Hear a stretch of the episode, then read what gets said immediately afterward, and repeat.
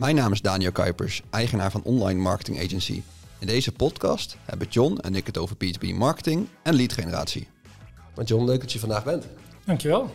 Um, kan je even kort, kort, vertellen wie is John en waar kennen we elkaar van?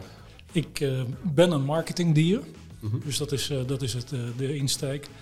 Um, waar we elkaar van kennen is, jij bent een SEO-dier.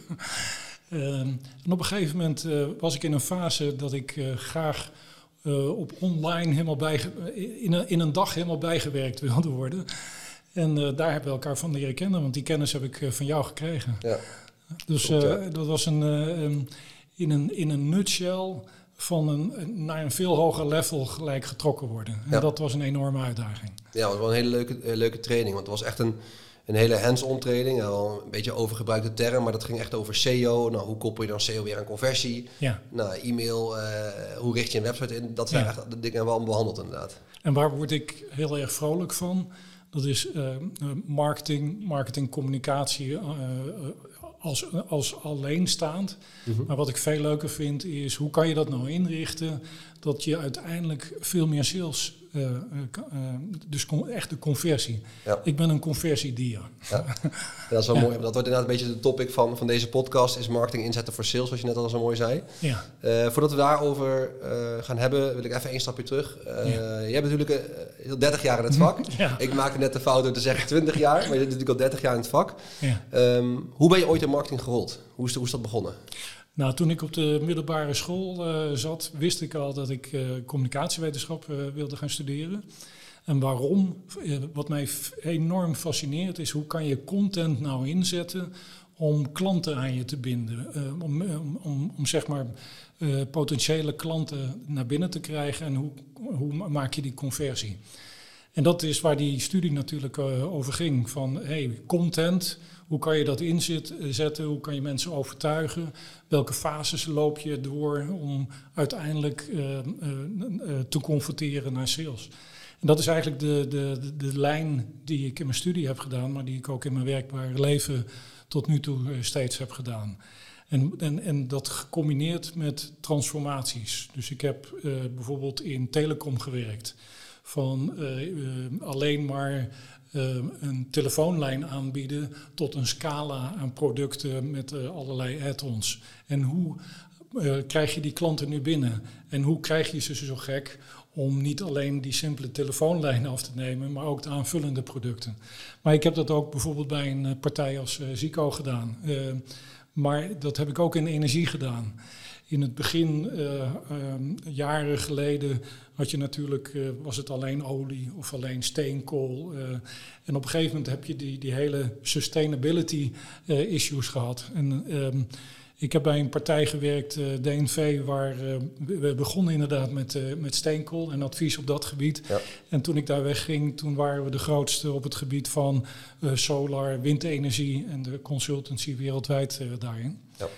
Um, dus dat, dat de transformeren van, um, uh, van, van uh, uh, telecom of van energie. En in mijn laatste jaren in, in food, dat vond ik wel een enorme uitdagingen. Dus we, we leven nu veel, we kijken nu veel meer naar wat zit er in dat product. Wat, hoe is, wie, wie is de leverancier? Is het wel, hoeveel eetjes zitten erin? Ja. En, en, en dat soort vragen. En dat merkte ik dat ik of het nou telecom, energie of uh, voeding was, ik, het liep altijd synchroon aan mijn eigen interesses. Ik ben ook altijd overtuigd van um, een product kan je ook pas met, met passie verkopen als het je eigen passie ook is. Uh, tenminste, voor mij is dat erg belangrijk, ja. dat ik die combinatie wel heb. Um, ik was heel erg met voeding bezig. En toen kwam het op mijn pad dat ik bij, bij NISO kon gaan werken als, als marketeer. Um, dus mijn eigen passie van veel, veel bewuster met voeding bezig zijn, zag ik dan ook weer in mijn werk terug. En dat vond ik, ja. dat vond ik altijd hele leuke combinaties. Ja. ja, nee, wat je zegt sluit ik me volledig bij aan. Kijk, sales, veel mensen vinden sales echt niks. Ik, ik vind mezelf ook totaal geen verkoper. Ja. Maar je kan pas echt iets verkopen als je het, ja, of het iets heel leuk vindt of er heel veel vanaf weet. Dus ja. sluit me er zeker bij aan. Um, was dat ook voornaamste um, gedeelde noemer bij al die bedrijven dat je echt interesse had in het product of dienst? Of zag je ook bijvoorbeeld van oké, de staat van deze marketing communicatie is dermate laag. eh, ik wil dat naar een volgend niveau trekken. Was dat echt je passie je enige uh, gedeelde noemer? Of was er nog iets wat, uh, wat belangrijk was? Wat je bij veel organisaties ziet, is dat marketing en communicatie en sales dat dat een misfit is. Dus dat wordt wel goed gecommuniceerd. Maar of dat uh, ook in relatie staat met de salesbehoeften, om dat om naar een hoger peil te krijgen, dat is vaak de vraag. Je hebt eigenlijk drie grote uh, groepen in een organisatie. Je hebt uh, zeg maar marketing, die aan de voorkant staat. Je hebt zeg maar de operatie jezelf en sales. En het is eigenlijk uh, marketing, sales, operatie als je zeg maar een product verkoopt. Maar het is wel zaak dat die drie heel erg goed met elkaar samenwerken. Je kan iets communiceren over iets waar vervolgens dat qua operatie niet waargemaakt kan worden. En waarom zou je het dan ook verkopen? Dus die drie moeten wel heel goed uh, samenwerken. En um, wat ik juist heel interessant vond, is te kijken van waar is die markt mee bezig? Wat, waar, wat zijn eigenlijk de, de pijnen van die klanten en, en, en en, en potentiële klanten. En daar um, content voor aanbieden. En content is, kan je onderscheiden in awareness, consideration, decision. Dat is ook hetzelfde als jij online wat gaat kopen. Je hebt een bepaald probleem van hé, hey, ik heb behoefte aan, ik wil, oh, dit is stuk gegaan, dus ik moet iets nieuws kopen. Ja. Ik heb hier last van, ik heb er een oplossing voor nodig. Ja. Precies, dat is die awareness fase. Nou, dan heb je de consideration, hè, dan heb je de verschillende oplossingen, CQ-merken, CQ-leveranciers. en uiteindelijk ga je een beslissing nemen. Nou, dat kan op prijs, op uh, kwaliteit, combinaties daarvan. Ja. Als je dus, um, of dat nou aan B2C-kant is of B2B-kant, als je daar rekening mee houdt met je content, dan zie je ook uh, met het zoekgedrag van potentials dat ze, als ze kijken naar nog in de awareness fase, dan willen ze niet al decision content hebben. Kan je daar een goed voorbeeld van geven? Um, nou, decision fase, dan, dan is het heel erg. Um, nou, laat ik teruggaan naar de eerste awareness fase. Awareness fase, dat is vaak door middel van een blog, dat je iemand erop wijst dat er um, dat er een bepaald probleem bijvoorbeeld is. En waar moet je dan aan denken? Uh, wat, wat, wat, speelt er zoal in de markt? Wat zijn er aan verschillende oplossingen? Maar dat is nog niet echt content die bedoeld is van uh, het is A, B of C en uh, kies maar. Dat is decision content. Dat is een, bijvoorbeeld een, als we even over B2B spreken, een, een, een case van een, dus een case die je met een, een, een klant al hebt doorlopen.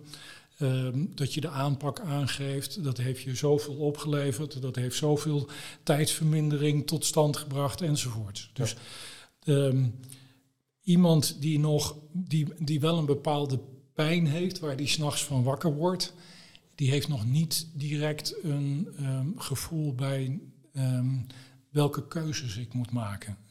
Dus en dat, en dat is dat je als bedrijf zijnde heel goed weet wat is nou de pijn van de klant. Um, ook in, in, in, welk gebied. Hè. Vaak zijn bedrijven geven vers eh, voor verschillende um, um, bedrijfstakken verschillende oplossingen. Dus dat je moet heel goed weten, de buyer persona noemen we dat dan. Ja. Van wat, uh, hoe ziet hij eruit? Wat, wat zijn zijn, zijn pijnen? Wat, wat is belangrijk? Uh, nou ja. En op basis daarvan kan je bijvoorbeeld een blog uh, content maken. En dat moet je zorgen dat dat goed uh, vindbaar is natuurlijk. Met al, daar, weten jullie, daar weten jullie alles van. Ja. Um, uh, vervolgens, uh, stel dat je die blog uh, gepubliceerd hebt, op je, op je website hebt staan, ga je als de, de, de, degene die dat leest, ga je dan vervolgens verder brengen in die, in die funnel, zeg maar, om vervolgens dan consideration content aan te bieden. Dat zou kunnen zijn een, bijvoorbeeld een, um, een white paper heel specifiek op dat gebied. dat je laat zien van, nou, dit is de reden wat we als bedrijf, wat we allemaal hebben doorlopen. Um, en dit is een mogelijke oplossing.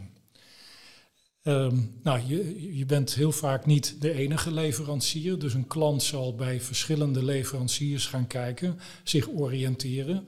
Net zoals uh, jij wil wat kopen, je gaat bij Bol kijken en nog tegen andere leveranciers.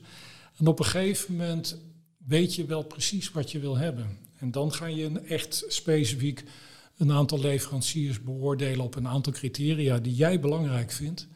En dat is decision content. En een decision content zou kunnen zijn een case, wat ik net zei.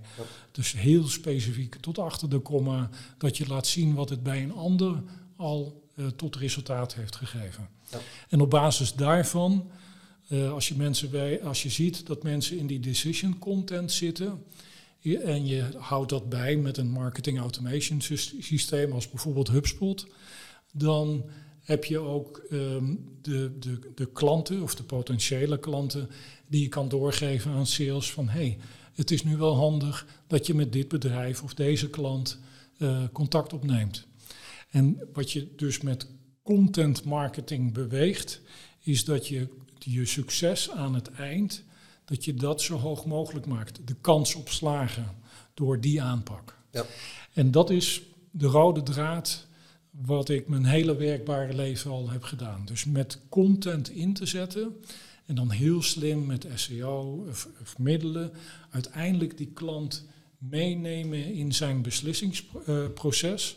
en dat je uiteindelijk sales de juiste leads kan aanleveren. Ja. En ook wat je dus straks zei, daarom is de, de combinatie of eigenlijk de, de relatie tussen operatie, sales en marketing zo belangrijk. Ja.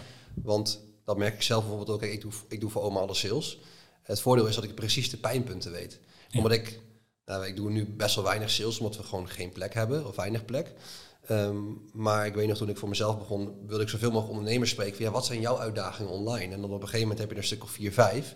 En als ik dan iemand zijn LinkedIn-profiel heb bekeken en hij heeft met mij contact opgenomen, weet ik eigenlijk al welke van de twee het waarschijnlijk is. Ja. En dat maakt ook die combinatie tussen sales en marketing zo belangrijk. Want dan kan je dus ook de dingen die je aan de saleskant hoort, kan je terugkoppelen naar marketing, daar weer content voor schrijven. Dat maakt voor sales weer makkelijker. Ja. Dus dat vind ik zelf echt iets heel, wat heel krachtig is. Ja. Ehm, omdat het gewoon het, de intensiviteit en ook hoeveel tijd je ermee kwijt bent, gewoon een stuk makkelijker maakt. Ja. En wat ik, wat ik bij Um, daarop inspelend, wat ik bijvoorbeeld bij, bij NISO, um, waar ik een aantal jaren gewerkt uh, heb, wat ik, um, die partij die, uh, die, die, heeft een hele kleine marketingafdeling. Maar wat, je, wat we daar deden is met een flexibele schil werken. bijvoorbeeld OMA, hè, uh, jullie heel erg sterk in SEO. Of heel sterk in knowledge base.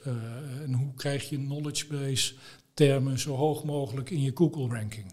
En hoe kan je dat als bedrijf claimen? Of de website zelf, hoe richt je die uh, in om aan die, ik noem het toch even sales funnel of die content funnel, hoe je uh, zo goed mogelijk dat ondersteunt.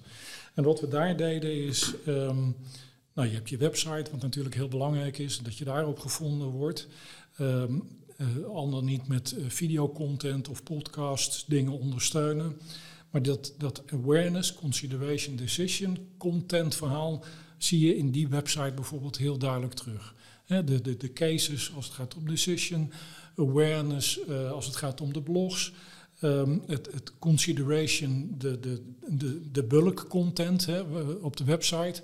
Dus daar zie je dat ook in, in, in terug. En wat zo mooi is, jullie hebben jullie core expertises.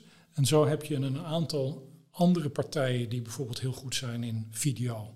Of in, heel goed in podcasts opnemen. Al zijn jullie hier ook goed in. um, maar um, dus dat je verschillende expertises bij elkaar brengt. Die allemaal ondersteunend zijn aan het principe wat ik net uitlegde. En dat, dat, dan ben je heel effectief bezig. En um, ik heb er bijvoorbeeld ook wel eens bij een organisatie gewerkt waar de marketingafdeling alleen al wereldwijd uit 50 personen bestond. Um, en dat is dan altijd de eeuwige afweging van een, van een klant natuurlijk. Van ga ik dat allemaal zelf inrichten of ga ik expertise extern inhuren? Ja. En de laatste jaren heb ik wel gezien dat die expertise inhuren hele grote ehm, eh, voordelen eh, heeft. Omdat je dan, als je dat maar goed coördineert en goed op elkaar laat aansluiten, dat je dan heel effectief kan zijn. Ja. In een heel kort tijdsbestek. Ja, dat herken ik ook zeker, want wij werken natuurlijk ook allerlei voor soorten klanten. Denk inderdaad aan nou, complete marketingteams van, nou, noem het 50 man, noem het 10 man. Maar we hebben ook inderdaad heel veel uh, marketingteams die uit één of twee mensen bestaan. Ja. En uh, dat is ook vaak een vraag uh, die ik ook vaak ondernemers of eigenaren krijg. Daniel, wat zou je adviseren? Zou je nog één of twee bureaus aansluiten of zou je nog meer mensen in huis nemen? Ja. Nou, ik adviseer sowieso altijd om wel een marketingteam te hebben als dat kan. Want dan heb je wel iemand die er verantwoordelijk voor is en ook echt de tijd heeft. Uh, maar die, die keuze tussen of een bureau of een medewerker is vaak, is vaak wel belangrijk. Ja, een bureau is vaak onderaan de streep wat duurder. Maar je hebt dan wel meer mensen, haal je dan in huis, meer expertises. Het is flexibeler. En wat ik vooral merk is dat met grote marketingteams, dat heel veel mensen doen wat ze eigenlijk altijd doen. Dat Ja. tackle je ook met een, met een bureau. Die Ja. doen gewoon dat het beste is voor jou. Of tenminste, dat horen ze te doen. Ja. Eh, Nou, de, ehm, mijn beleving is eh, grotendeels wat jij zegt. Maar als je onderaan de streep de flexibele schil uit, ehm, nou, de kosten daarvan, ten opzichte van de effectiviteit en wat het uiteindelijk oplevert, dat zijn eigenlijk twee scenario's. Eh, wat ik gezien heb, is dat het scenario flexibele schil onderaan de streep uiteindelijk niet duurder hoeft te zijn. Ja. Ehm, en dan wel met een hele dedicated groep. Maar er is wel één voorwaarde. Dat is dat die onderlinge, die partijen, dat die heel goed kunnen samenwerken. En dat, dat, ehm, dat kan alleen maar als daar de, de, de opdrachtgever heel duidelijk tussen zit. Ja. En die partijen dus ehm, in dat proces meeneemt. Ja. En dat merk ik wel, sorry dat ik daar onderbreek, maar dat ook een compliment aan jou, aan jou geven is. eh, we hebben dus ook meerdere partijen met die flexibele schil, waar wij dus onderdeel van zijn. En het valt en staat echt met inderdaad de hoofdverantwoordelijke bij de partijen. En als je dus daar niet iemand bij hebt zoals jij, die de tanden erin zet en er vastbijt, Ja. Ehm, dan gaat het ook falen. Want dat hebben we ook gemerkt. Dus dan gaat iedereen zijn eigen ding doen. En dan op een gegeven moment kom je een keer bij elkaar en dan is het weer Ja. is, het weer, is het weer gescheiden. Ja. En dat is echt, en daar was je ook heel duidelijk in. Van hé hey jongens, wil dat jullie onderling gaan praten? Ik wil dat jullie dat soort dingen mogen jullie prima zonder mij beslissen. Dat soort dingen moet ik gewoon bij zijn. Ik denk dat het wel heel belangrijk is om dat goed in orde te krijgen. Want dat is echt, eh, daar valt de status samenwerking mee. Klopt, klopt. Maar als je dan een, zo'n team hebt, dan heb je een gouden team om hele grote stappen steeds te maken. Klopt. Ja. Zeker. Ja. Ja, we hebben natuurlijk NISO al een paar keer genoemd. Eh, wij kennen elkaar natuurlijk al voor NISO, maar ja, door NISO zeg maar, is de samenwerking nog intensiever eh, Ja. eh, geworden. Kan je even kort vertellen hoe onze samenwerking daar was geweest? Je was natuurlijk marketingmanager, wij waren verantwoordelijk voor de SEO, maar ehm, kan je vertellen een beetje wat we hebben gedaan, waar we bezig zijn geweest, et cetera? Ja. Nou, wat, ehm, ehm, toen ik binnenkwam, toen hadden we een, een, een website die niet zeg maar complementair was aan het proces wat ik net aangaf. Hè. Dus het was niet ondersteunend aan die awareness, consideration, decision content.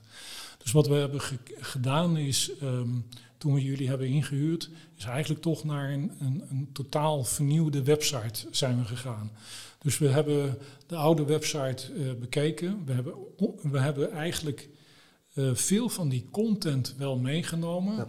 Maar wel op een zodanige manier ingericht dat het daar, wat ik net vertelde, aan ondersteunend is.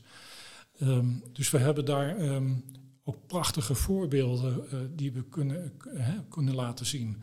Dus ik, eh, een van de eh, zaken was eh, eh, die, die kennis, die knowledge base eh, eh, woorden. Dus dat we, eh, eh, NISO is science, wetenschap.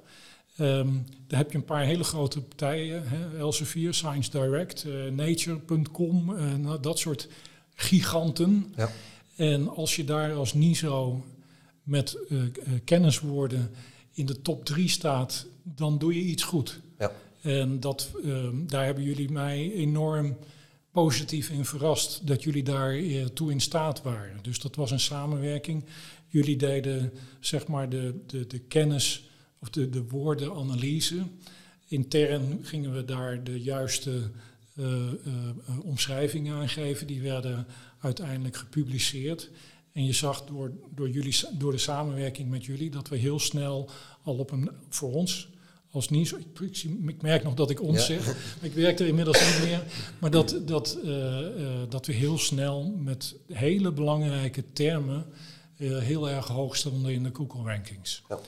Maar uiteindelijk een hele gestructureerde website, goed vindbaar, eh, ingedeeld naar ehm, niet alleen naar uh, diensten, maar heel erg rekening houdend met wat zijn nou de pijnen van die buyer persona's. Wat, kun je daar, uh, wat kan je daar op die website voor, met value propositions werkten we dan. Ja. Dus dat zijn onderdelen waar NISO zich uh, op, op, op, op richt. Hè. vier, vijf grote thema's. En wat bied je daar een dienst aan? Maar ook um, heel erg conversiegericht. Dus die WordPress-site was ook in zijn geheel gekoppeld aan HubSpot-pagina's. Dus we konden, als we uh, iemand iets downloaden, dan moest hij bepaalde gegevens achterlaten. En op basis daarvan konden er uh, vervolgcampagnes ook in, ingericht worden. Um, en dat is natuurlijk enorm belangrijk, dat het niet bij een eenmalig contact is, maar dat je de klant meeneemt in die funnel, in die vervolgstappen. Ja. En um, jullie hebben daar op SEO-gebied, maar ook het concreet het maken van de website, dus de oude website naar de nieuwe, de, de conversie daarin en de inrichting, hebben jullie een enorme grote rol uh, gespeeld. En uiteindelijk met HubSpot op de achtergrond en bepaalde pagina's daaraan gekoppeld, had je een, een, een, een, zeg maar een conversie, uiteindelijk een conversiewebsite. Ja. En dat was het grote verschil met daarvoor. Daarvoor was het meer van wij van WC Eend, wat kunnen we allemaal? Het was een mooi digitaal visitekaartje en het is een marketingmachine geworden. Ja, ja. ja. en dat, dat, dat um, mijn hele werkbare leven is dat wel de kern. Dus dat het niet om het uh, communiceren alleen gaat van, goh, wat kunnen we allemaal? Nee, dat het de content gebruikt wordt om uiteindelijk naar die leads te gaan. Uh, zonder dat dat aan klantzijde een gevoel geeft van zo, die houden me in, in de gaten, wat, wat zijn die allemaal aan het doen. De, het moet wel allemaal AVG-proof ook zijn, ja. hè? dat het ook allemaal kan. Um, en het moet echt aan klantzijde het gevoel van oké, okay, ze benaderen mij wel, maar ze helpen mij ook echt. Ja.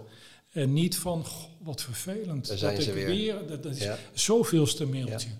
En dat, dat, die balans moet er wel zijn. Het moet steeds een ja aan de klant um, geven dat het um, een, een heel natuurlijk is dat hij vervolginformatie krijgt. Ja. En dat, dan moet je dus echt weten wat, wat zijn zijn kernpijnen ja. en wat voor een toegevoegde waarde kunnen we daar bieden. Um, als je dat bereikt, dan zie je ook uiteindelijk in de cijfers van degene die zich uitschrijven, want iedere mail die je stuurt, kan iemand zich uitschrijven. Ja. En die waren bij niet zo ontzettend laag, omdat we steeds een stukje toegevoegde kennis brachten, waar die scientist of die marketeer of die business unit manager van die fast mover, uh, uh, uh, dat je extra informatie gaf die hem hielp. Ja. Voor in zijn, om aan zijn problemen een oplossing te geven. En dat toont alleen maar aan dat het ontzettend belangrijk is om te, te weten voor wie doe je het. Ja. Ja, wat zijn zijn pijnpunten, wat heeft hij nodig? Of waarvan denk je dat, het, dat hij het nodig heeft? Ja. En wanneer heeft hij het ook nodig? Ja. En als je die drie hebt, dan, ja, dan is het inrichten van een marketing automation funnel ja, een stuk makkelijker. Ja. En dat is ook een tip die ik ook voor veel ondernemers heb. De vraag altijd, wanneer heb je voor het laatst met je, met je ideale klant gepraat? Ja. Ja, ja, dat is lang geleden. Ik doe dat ook regelmatig. Dus vraag eens een van je klanten waarvan je weet, daar wil ik er meer van hebben. Van hé, hey, waar loop je ja. tegenaan? Of wat zijn dingen waar je, waar je meer van, uh, van nodig hebt bijvoorbeeld? En in een organisatie die, um, waar sales redelijk autonoom is van operatie en van marketing, of een, een, een, sales die heel erg samenwerkt met marketing, vond ik wel heel mooi om in het begin. Uh, want er is vaak in organisaties is er wat van, ja, wat kunnen ze nou ondersteunen, die marketeers, met hun content. Er, er, waren gewoon uh, vragen of vraagtekens. Want gaat mij dat, dat als sales manager helpen? En wat we toen hebben ge gedaan, wat ik toen heb gedaan, is gewoon een aantal klanten bekeken die zij naar binnen hadden gehaald. Met het idee van, nou, die heb ik toch maar even zo uh, zelf naar binnen gehaald. Maar toen gingen we terug in de tijd, omdat we kon, precies konden zien per persoon, per bedrijf, wanneer de touchpoints waren. Dat ja. die, en dan zag je dus een verkoop aan het eind, Maar de, de, de, dat, dat er al een hele lange historie was op dat uh, specifieke onderwerp. En je kon precies zien wanneer die klant wanneer welke content uh, tot zich had genomen. En wanneer in dit geval de klant zelf contact had genomen. Ja. En dat was wel een eye-opener voor salesmensen. Dat ze konden zien van oké, als we dat proces dus heel goed in de gaten houden. Had ik deze specifieke klant misschien al wat eerder kunnen benaderen. Lees minder concurrenten wellicht in het proces uh, mee hadden genomen. En dat je als je al eerder dus aan kan haken bij zo'n klant, dat is niet, een, niet alleen dat je, ze, dat je ze identificeert, maar ook dat je kan zien van hé, hey, wat, uh, wanneer kan ik inhaken? Ja. En HubSpot wordt wereldwijd door tienduizenden bedrijven uh, gebruikt. Dus de algoritmes die daarachter uh, te grondslag liggen, die, laten je, die geven je ook ruimte om dat zelf in te vullen. Maar ook zelf te bepalen in welke fase bij welke buyer persona je, je, je, eh, zelf in contact gaat treden. En dat is uh, ook met A en B testing, learning by doing. Uh, door dat samen, dus marketing, operatie en sales, dat samen in te vullen. En dat maakt dat je, dat, dat je samen dus uiteindelijk gaat bepalen wanneer is dat contact, wanneer is dat het meest effectief. En daar leer je, door dat maar steeds iedere dag weer te doen, leer je daar heel veel van wanneer en hoe je dat moet doen. Ja. Ja, en dat doe je natuurlijk ook al heel erg lang. Dat toont ook maar weer aan hoe belangrijk het is om een stukje voorkennis te hebben ook. En heel simpel voorbeeld ook, wij gebruiken zelf dan ook lead info. HubSpot heeft daar ook een, een optie voor dat ik kan zien, oké, welke bedrijven zitten op onze website. En wat bekijken ze en hoe lang. En dat soort kleine informatiedingetjes, die kunnen al zo interessant zijn voor sales. Want als je weet van, hé, hey, oké, hij heeft binnengekomen op uh, blog over SEO. Hij heeft een SEO-dienstenpagina bekeken. Hij is vervolgens naar uh, mijn teampagina geweest. Heeft vervolgens die van Nick of van Nicole bekeken. En dat is allemaal hele basale informatie die, die je al weet. En als je dan in zo'n salesgesprek zit, kan je het allemaal gebruiken. En moet je dan inderdaad nagaan als ze al je whitepapers hebben gelezen, als ze al je klantcase hebben gelezen. Ja, je hebt zo, het, ma het maakt sales zoveel makkelijker. Ja. Alleen ja, we zien echt gewoon nog steeds dat er heel veel bedrijven die bijvoorbeeld heel sales gedreven zijn, of die heel marketing gedreven zijn, of heel operatie gedreven zijn. Ja, en het, het gaat dus om die samenwerking. De, wat ik door de jaren heen heb gezien, is als die onderlinge interne samenwerking tussen operaties, waar uiteindelijk de merendeel van de content vandaan komt. Hè, en als marketeer uh, vorm je dat om in die awareness, consideration en decision. Maar dat is vaak niet de marketeer die van A tot Z uh, dat zelf allemaal verzint. Die input moet toch vanuit die organisatie komen, van die specialisten. Um, uh, dus het is echt die, die, die samenwerking. En wat ik um, door de jaren heen wel een hele mooie ontwikkeling vond, is dat jaren geleden ging je naar een beurs. En dan vroeg je maar af uh, wie daar allemaal kwamen. En dan, als je dan geluk had, dan kreeg je een speaking slot. Hè, dat je je nog een beetje mocht vertellen wat je allemaal kan aanbieden. En dat kan je natuurlijk allemaal perfect online doen. En ook helemaal volgen. Dus een webcast of een podcast. Um, als je dat nu dat, dat doe je nu, uh, dan moest je vroeger een speaking slot. Nou, 10, 20k besteed je dat aan. Nou, nu zet je een, met een script een, een, een, een professional voor een camera. Die legt dat in crispy in 10 minuten uit. Dat zet je in een bepaald format. Dat zet je op YouTube. Dat ga je met HubSpot, ga je dat onder je, onder je base, heel specifiek voor dat onderwerp, zet je dat uit. Je LinkedIn gebruik je om dat nog verder te promoten. En aan iedereen in de organisatie te vragen om dat met zijn netwerk zeg maar te delen. En dan krijg je dus dat in plaats van op een speaking slot er in een, in een zaaltje ergens achteraf 30 mensen, waarvan dan nog de helft uh, collega's zijn, ja. daarnaar kijken. Dat, dat, je, dat je, dat je een, een, een, webcast hebt waar je 400, 500 en dan on demand later ook nog grote aantallen uh, potentials hebt die heel dedicated naar dat onderwerp kijken. Ja. En dat is, wel, dat is voor een marketeer natuurlijk een walhalla. Dat je veel meer op de bal kan zitten ja. en dat kan, kan, kan sturen. Ja, dat is voor een marketeer echt smullen. Omdat je de doelgroep die we bereiken nog beter kan bereiken. Op een manier die effectiever en efficiënter is. Ja. Wat je zegt, uh, er zijn ook natuurlijk heel bedrijven die door corona niet naar beurzen konden. En die budgetten gingen allemaal dus of werden ze bevoren of gingen ze naar marketing. Ja. Dus zagen ze in één keer dat inderdaad het opnemen van een podcast of een aantal webinars dat het eigenlijk qua prijs best wel meevalt. Ja. Dat het qua techniek ook best allemaal wel te doen is. Ja. Ehm, maar dat het wel net zo of misschien wel veel efficiënter kan zijn en veel, Ja. eh, veel meer leads op kan leveren. En, de- en op dat moment ben je heel erg blij dat je een flexibele schil hebt. Die daar eh, met zijn expertise. Video, video bijvoorbeeld, dat is een bepaalde expertise. Dat goed achter elkaar zetten. Dat dat een professionele productie is met eh, aanhef, tussenkopjes, wellicht een stukje muziek eronder. eh, dat het niet te lang is, dat dat, dat professioneel eruit ziet. Dat was jaren geleden, de, de, de- had je de, de hoofdprijs betaald. Met de huidige technieken Ja. is dat heel goed te maken. En als je dan ehm eh, hetzelfde, of eh, verschillende onderwerpen, maar dat in een bepaalde eh, herkenbare huisstijl zet, dat goed steeds uitzet, dan is dat ontzettend effectief om, om potentiële geïnteresseerden binnen te krijgen. Wat, wij, wat ik wel gemerkt heb, is dat LinkedIn in het B2B-kanaal een ontzettend belangrijk eh, eh, verhaal is. Als je dat goed aan, aan, aan, Ik zal je een voorbeeld noemen. Ehm, bij NISO bijvoorbeeld hadden, hebben we een, eh, van tijd tot tijd eigen, ehm, ehm, zeg maar, ik noem het maar een conferentie.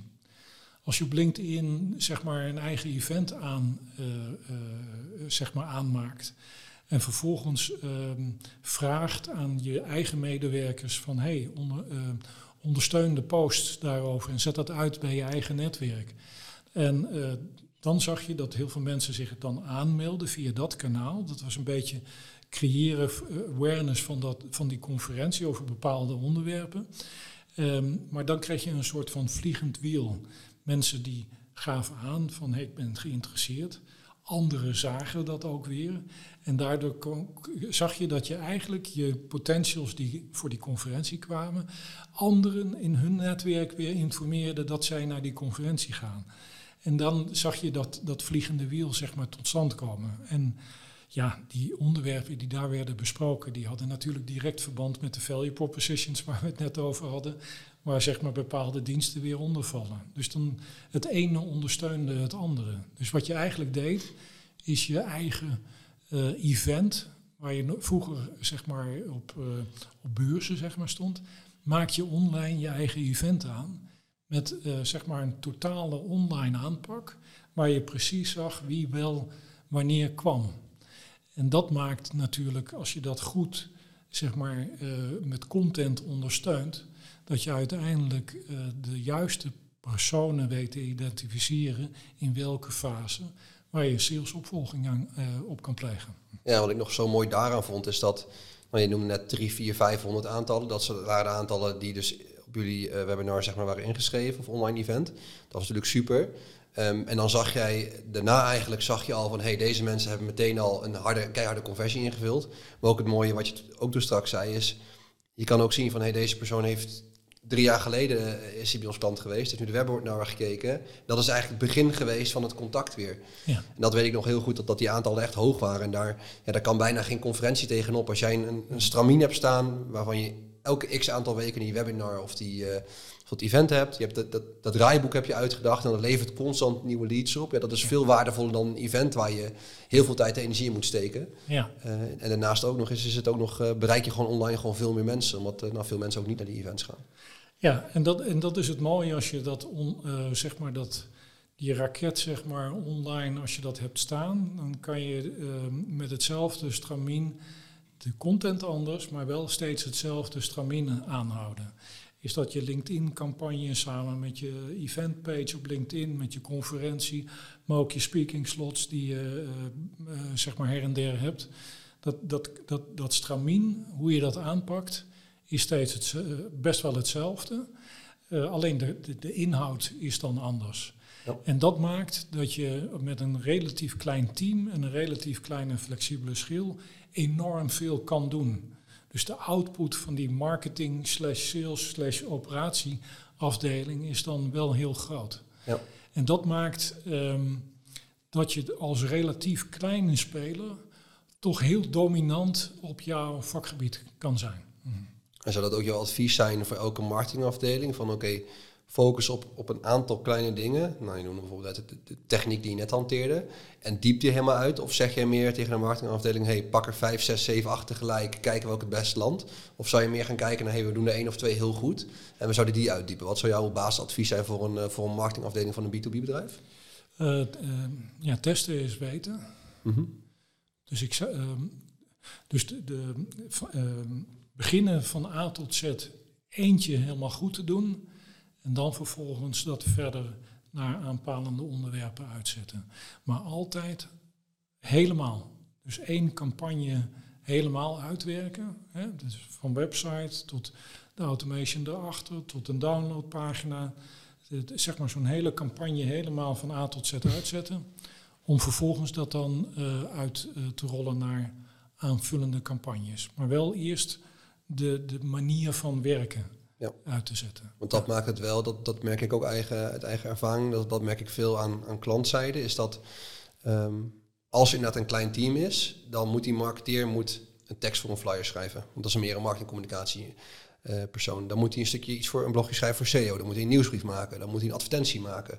Dan moet hij een mobiele website checken. Dan moet hij een social post maken. Die persoon moet alles. Ja. En daarbij geloof ik juist ook in wat jij ook zegt, is Zorg dat je één campagne gewoon goed hebt staan. Zorg dat die gewoon werkt. Want dat zorgt ook weer voor draagvlak binnen het team. Want als je dan iets hebt staan wat heel goed werkt, ja. dan kan je weer naar je marketingmanager of de persoon naar boven gaan van kijk, dit, dit werkt. Ja. En dan kan er misschien iemand bij komen. Of de schil kan uitgebreid worden in, uh, in jouw geval. En organisatorisch is het wel heel belangrijk dat zeg maar, die samenwerking intern in een organisatie ook geborgd is. Wat ik, wat ik, wat ik gemerkt heb is als je ja, ik ben, ik ben marketeer, dus uh, het, het, is een beetje, een beetje bias is uh, wat, ik, het, wat ik nu ga vertellen.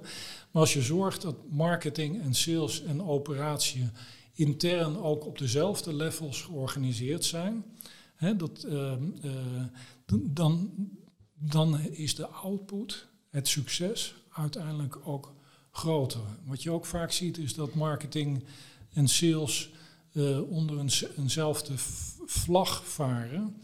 En dan is het maar de vraag in hoeverre je als marketeer ook echt um, uh, invloed kan hebben op die salesaanpak. Dus die samenwerking is wel heel erg, of die, die onderlinge uh, samenwerking op dezelfde levels is daarin wel heel belangrijk. Ja, zou je dat kunnen toelichten? Wat bedoel je dan precies inhoudelijk met levels? Nou, je hebt een, je hebt een, een, een, een hoofd marketing, een hoofd sales, een hoofd operatie. Op die drie levels maak je de, de basisafspraken en zorg je dat bepaalde dingen uh, landen in de eigen afdeling. Je kan je voorstellen als je een automation systeem hebt en die geeft leads, dat het niet zo kan zijn dat de ene sales manager daar totaal anders mee omgaat dan een andere sales manager. En um, als je als zeg maar de marketeer op hetzelfde level in beslissingsniveau zit als zeg maar die sales managers, dan kan het wel eens uh, alle richtingen opgaan. Dus je moet als marketeer hele duidelijke afspraken kunnen maken met het hoofd sales. En die dat ook borgt, dat intern daar op één en dezelfde manier door sales managers mee wordt omgegaan. Alleen dan ben je heel erg, kan je op dezelfde manier werken. En kan je dus als je een campagne uitzet ook zorgen dat, dat de andere campagnes, waar andere sales managers dan mee gaan werken, dat dat op dezelfde manier gaat. Want anders heb je binnen een bedrijf 40 verschillende manieren van werken. En onderaan de streep, uh, uh, uh, zeker bij bedrijven die uiteindelijk per uur betaald worden, is dat een crime. Want er, gaat veel te veel uren worden dan verbrand. Ja, dat is een hele concrete tip die je hebt eigenlijk om die dus die drie pijlers goed samen te laten werken. Heb je nog meer tips voor voor B2B bedrijven die dus marketing, operatie en sales ja, meer op elkaar willen aan laten sluiten? Nou ja, dat is een beetje hoe ik me altijd bewogen heb. Ik, um, het, is natuurlijk heel mooi om de pijnen bij een klant te bekijken. Maar ik heb zelf ook uh, aan de andere kant gezeten. Uh, dus dat ik uh, aan, um, zeg maar bij, bij de klantzijde zeg maar, zat. Je hebt de bureau- en klantzijde. En ik heb aan beide kanten gezeten. Dus ik heb um, bedrijven geadviseerd als zelfstandige. Van hey, de, zo, zo, zo, moet de campagne enzovoort.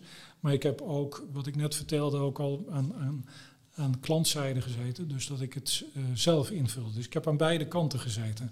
En, wat ik, en dat, die tip zou ik iedere marketeer ook uh, haast willen geven. Zit, zit vooral ook aan bureauzijde, maar ook aan klantzijde. Ja. Dus dat je uiteindelijk heel goed kan inleven in die pijnen van die klant. Waar heeft hij mee te maken?